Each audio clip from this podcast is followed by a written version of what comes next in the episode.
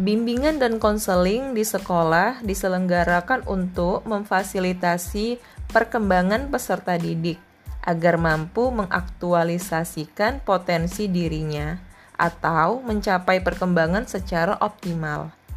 Fasilitasi dimaksudkan sebagai upaya memperlancar proses perkembangan peserta didik karena secara kodrati setiap manusia berpotensi tumbuh dan berkembang untuk mencapai kemandirian secara optimal.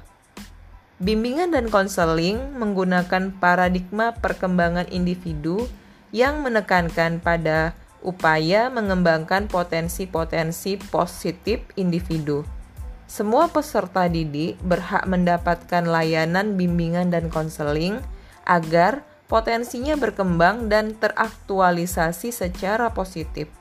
Meskipun demikian, paradigma perkembangan tidak mengabaikan layanan-layanan yang berorientasi pada pencegahan timbulnya masalah dan pengentasan masalah. Upaya mewujudkan potensi peserta didik menjadi kompetensi dan prestasi hidup memerlukan sistem layanan pendidikan integratif Kompetensi hidup ditumbuhkan secara isi mengisi atau komplementer antara guru bimbingan dan konseling dengan guru mata pelajaran dalam satuan pendidikan.